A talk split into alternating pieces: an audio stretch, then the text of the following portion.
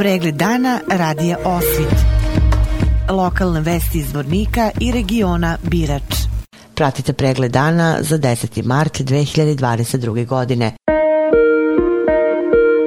U organizaciji Srednjoškolskog centra Petar Kočić i gradske organizacije Crvenog krsta sprovedena je akcija dobrovoljnog darivanja krvi u službi za transfuzijsku medicinu u Zvorniku. Više o tome čućete od Dane Mićić, sekretara gradskog odbora Crvenog krsta Zvornik. Gradska organizacija Crvenog krsta Zvornik u saradnji sa e, javnom ustanovom Srednjoškolski centar Petar Kočić i transfuziološkom službom organizovali smo akciju dobrovoljnog davanja, krvi, pogotovo za maturante. Prijavilo se neki 60 učesnika i nadamo se da će oni svi moći da daju krv. Znamo da je dobrovoljno davalaštvo krve jedna od naših važnijih oblasti rada Crvenog krsta, zato Crveni krst poziva sve one koji su mogućnosti da daju krv na organizovanim ovim akcijama, jer se ne može znati kome krv može da zatreba. Da mi ne zaboravimo svi da je svako od nas potencijalni primalac krv. Ovaj, zahvaljujem se i, i ovaj direktoru Srednjoškolskog centra koji je sam davalac krvi, takođe i našim direktoru koji smo prethodnu akciju imali oni zaista daju jedan lijep primjer svojim učenicima. Cilj ovih akcija je stvarno da se što više ljudi prijavi i da daje krv. Jer princip dobrovoljno davalašta je krv je dobrovoljno, anonimno i, i,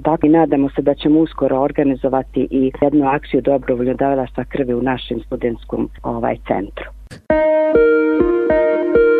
Konačne rang liste studenta koji će se u ovoj školskoj godini biti stipendirani od strane grada Zvornika objavljena je danas na oglasnoj tabli i zvaničnoj internet stranici grada. U školskoj 2021. i 2022. godini iz budžeta grada biće stipendirana 204 studenta, a za ove namene je izdvojeno 200.000 maraka. Pojedinačne stipendije u ukupnom iznosu od 1000 maraka će se isplaćivati u 10 mesečnih rata, a dobili su je studenti sa prosekom preko 8,5, kao i studenti prve godine fakulteta koji su bili Vukovci u srednjoj školi, studenti sa smetnjama u razvoju ili bez oba roditelja i studenti na master studijama. Za studente iz kategorije dece poginulih boraca i ratnih vojnih invalida pojedinačna stipendija iznosi 500 maraka, a za studente slabog materijalnog stanja 300 maraka biće isplaćeno jednokratno. Na području policijske uprave Zvornik naredan dva dana realizovaće se regionalna akcije pojačane kontrole učesnika u saobraćaju sa akcetom na kontrolu vozača pod dejstvom alkohola, opojnih droga i psihoaktivnih lekova.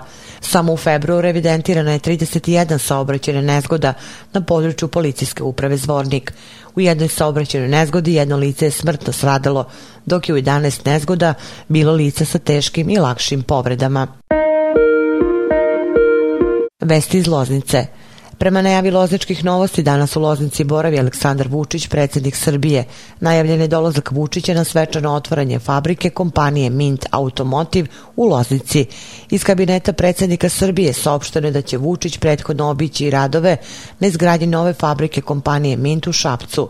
O boravku predsednika Srbije Aleksandra Vučića čitajte na internet sajtu Lozničke novosti.